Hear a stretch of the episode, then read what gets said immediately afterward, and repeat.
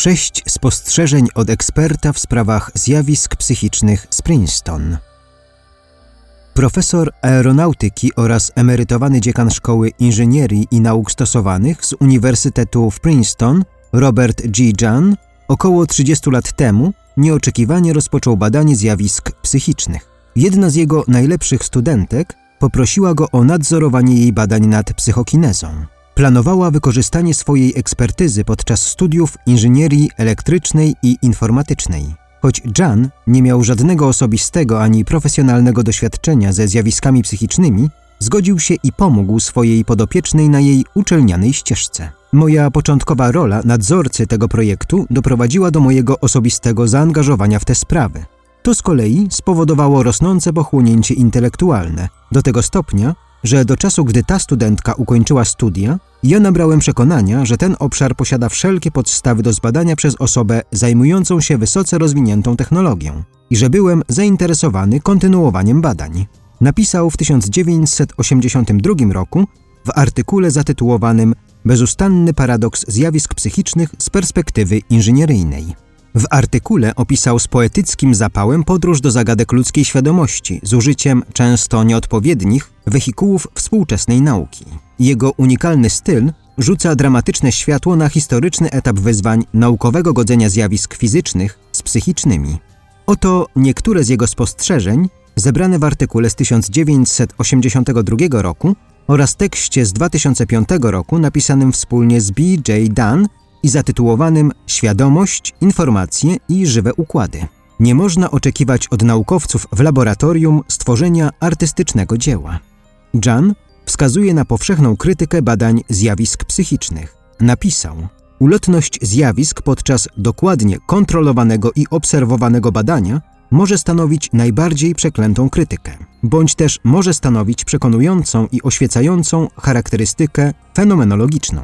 Stwierdził, że zawężanie obserwacji w istocie może przynieść pozytywne rezultaty. Powiedział, że może to być podobne do tworzenia dzieła sztuki. Istnieje mała sprzeczność mówiąca, że kreatywne procesy komponowania artystycznego, muzycznego lub literackiego, czy też wzniosłe myślenie filozoficzne, zwykle nie są przeciwstawiane sztywnym przymusom lub obecności ciała składającego się z niesprzyjających obserwatorów. Ważność sprzyjającej atmosfery i nastroju dla takich wysiłków jest intuicyjnie i demonstracyjnie jasna, zaś kreatywne osiągnięcie będzie niewielkie w przesadnie sterylnym lub wrogim środowisku. Eksperymenty z fizyką kwantową pokazały, że obserwator może wpłynąć na wynik eksperymentu poprzez sam akt obserwacji. Wyniki eksperymentalne rzadko udaje się odtworzyć w znaczeniu ściśle naukowym, napisał Jan. Anomalne efekty jednak dalece wymykają się oczekiwaniom szansy, zaś wiele cech wspólnych wykracza poza szeroki obszar opisywanych efektów. Okryte mgłą bagno, poetycka analogia dla badania nieznanego.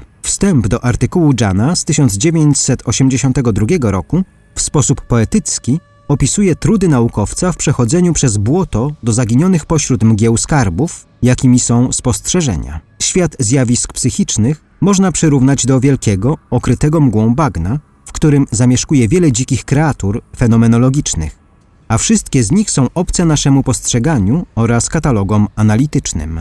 Niektórzy spośród uczonych, którzy eksplorowali tę zachmurzoną domenę, powrócili stamtąd, by ogłosić kategorycznie, że wszystkie te formy życia są czysto iluzorycznymi i siedzącymi pod powierzchnią cieniami, dającymi łatwowiernym błędne postrzeganie, a celowym fałszerzom błędną prezentację. Inni jednak, wykazujący podobnie silne przekonanie, opisywali w najdrobniejszych szczegółach swoje obserwacje różnorodnych, nadzwyczajnych istot o zdumiewających rozmiarach i zdolnościach. Niektóre z nich rzekomo pojawiają się niespodziewanie, wypływając z głębin i rozbłyskując na chwilę w świetle ludzkiego doświadczenia, znikając zaś tak szybko, że niepodobna poczynić systematyczne opisy ich cech. Inne podobno bardziej chętnie pojawiają się w odtwarzalnym i kontrolowanym środowisku, ale tylko osobom o szczególnych zdolnościach lub mocno wytrenowanym. Eksploratorzy tych tajemnic widzieli wiele kalekich, a nawet sfałszowanych dowodów takiej aktywności, które to dowody rzucają głębokie podejrzenie na wszystkie inne świadectwa. Wydaje się, że po całkowitym odsianiu udało się złapać tylko kilka solidnie opisanych okazów, dzięki żmudnemu, zaplanowanemu przeczesywaniu tej słonawej domeny, bądź też poprzez bardziej zajadliwe wkroczenie na jej mętny teren. A nawet te okazy okazały się tak trudne do zrozumienia i tak delikatne, a narzucone kryteria ich wiarygodności tak okrutne, że owe okazy okazały się nie w pełni przekonywujące. Cel wciąż jest kuszący, a poszukiwanie nadal trwa. Twórca metodologii naukowej Sir Francis Bacon nalegał na prowadzenie badań nad zdolnościami psychicznymi.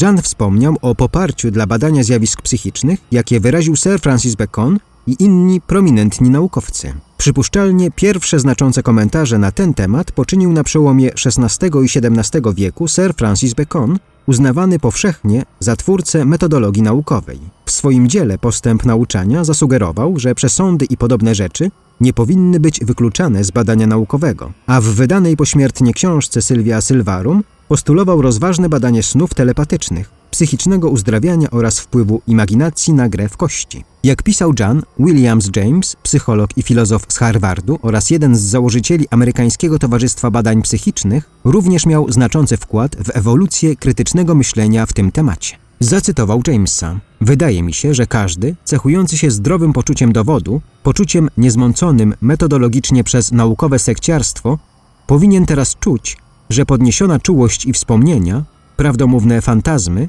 chodzi o byty niematerialne przekazujące jakieś informacje, nawiedzone domy, transy połączone z anomalnymi zdolnościami, czy nawet eksperymentalny przesył myśli, są rodzajami zjawisk naturalnych, które, podobnie jak inne naturalne zdarzenia, powinny ściągnąć na siebie naukową ciekawość. Wzrost badań nad zjawiskami psychicznymi przypomina czasy formowania się innych dziedzin nauki. Po zrewidowaniu historii badań psychicznych, Jan doszedł do wniosku. Pod wieloma względami szablon wzrostu tego pola badań przypomina wzrost nauk przyrodniczych, gdy te dopiero się rodziły, czy wręcz nawet czasy inkubacji klasycznej psychologii.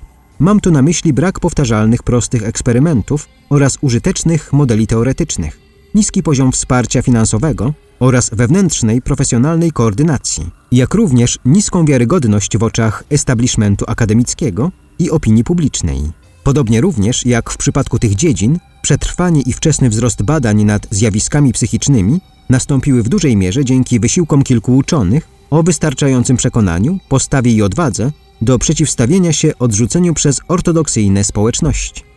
Jak stwierdził Jan, rola ludzkiej świadomości w fizycznym świecie powinna być jedną z nowych granic nauki. Od lat 40. do roku 1982 na szanowanych uniwersytetach przyjęto około 50 tez dotyczących tematów psychicznych. Czy procesy psychiczne występowały powszechnie w odległej przeszłości? Jan napisał: Biblia, podobnie jak większość innych podstawowych tekstów teologicznych, traktuje proces psychiczny jako składnik centralny w tonie faktu rzeczywistego, by skłonić każdego do wiary, że ludzie w tamtych czasach akceptowali takie zdarzenia właściwie rutynowo. Wartość badań psychicznych w erze informacji. W swoim artykule z 2005 roku Jan zauważył, rozwój informacji jako trzeciej głównej waluty naukowej wraz z rozwojem coraz bardziej czułych i złożonych narzędzi służących do ich objaśniania i rozwijania spowodował obecnie powstanie pytań, jak pogodzić ze sobą problemy kontekstu i znaczenia, które stanowią z natury subiektywne, lecz krytyczne aspekty pragmatycznej informacji. Dodał, czynniki subiektywne mogą nie tylko być istotne dla postrzegania fizycznej rzeczywistości, ale w istocie mogą stanowić krytyczne elementy jej zasadniczej natury. Tara MacIsaac, Epoch Times. Tłumaczenie i opracowanie Ivelios. Czytał Hubert Chłopicki.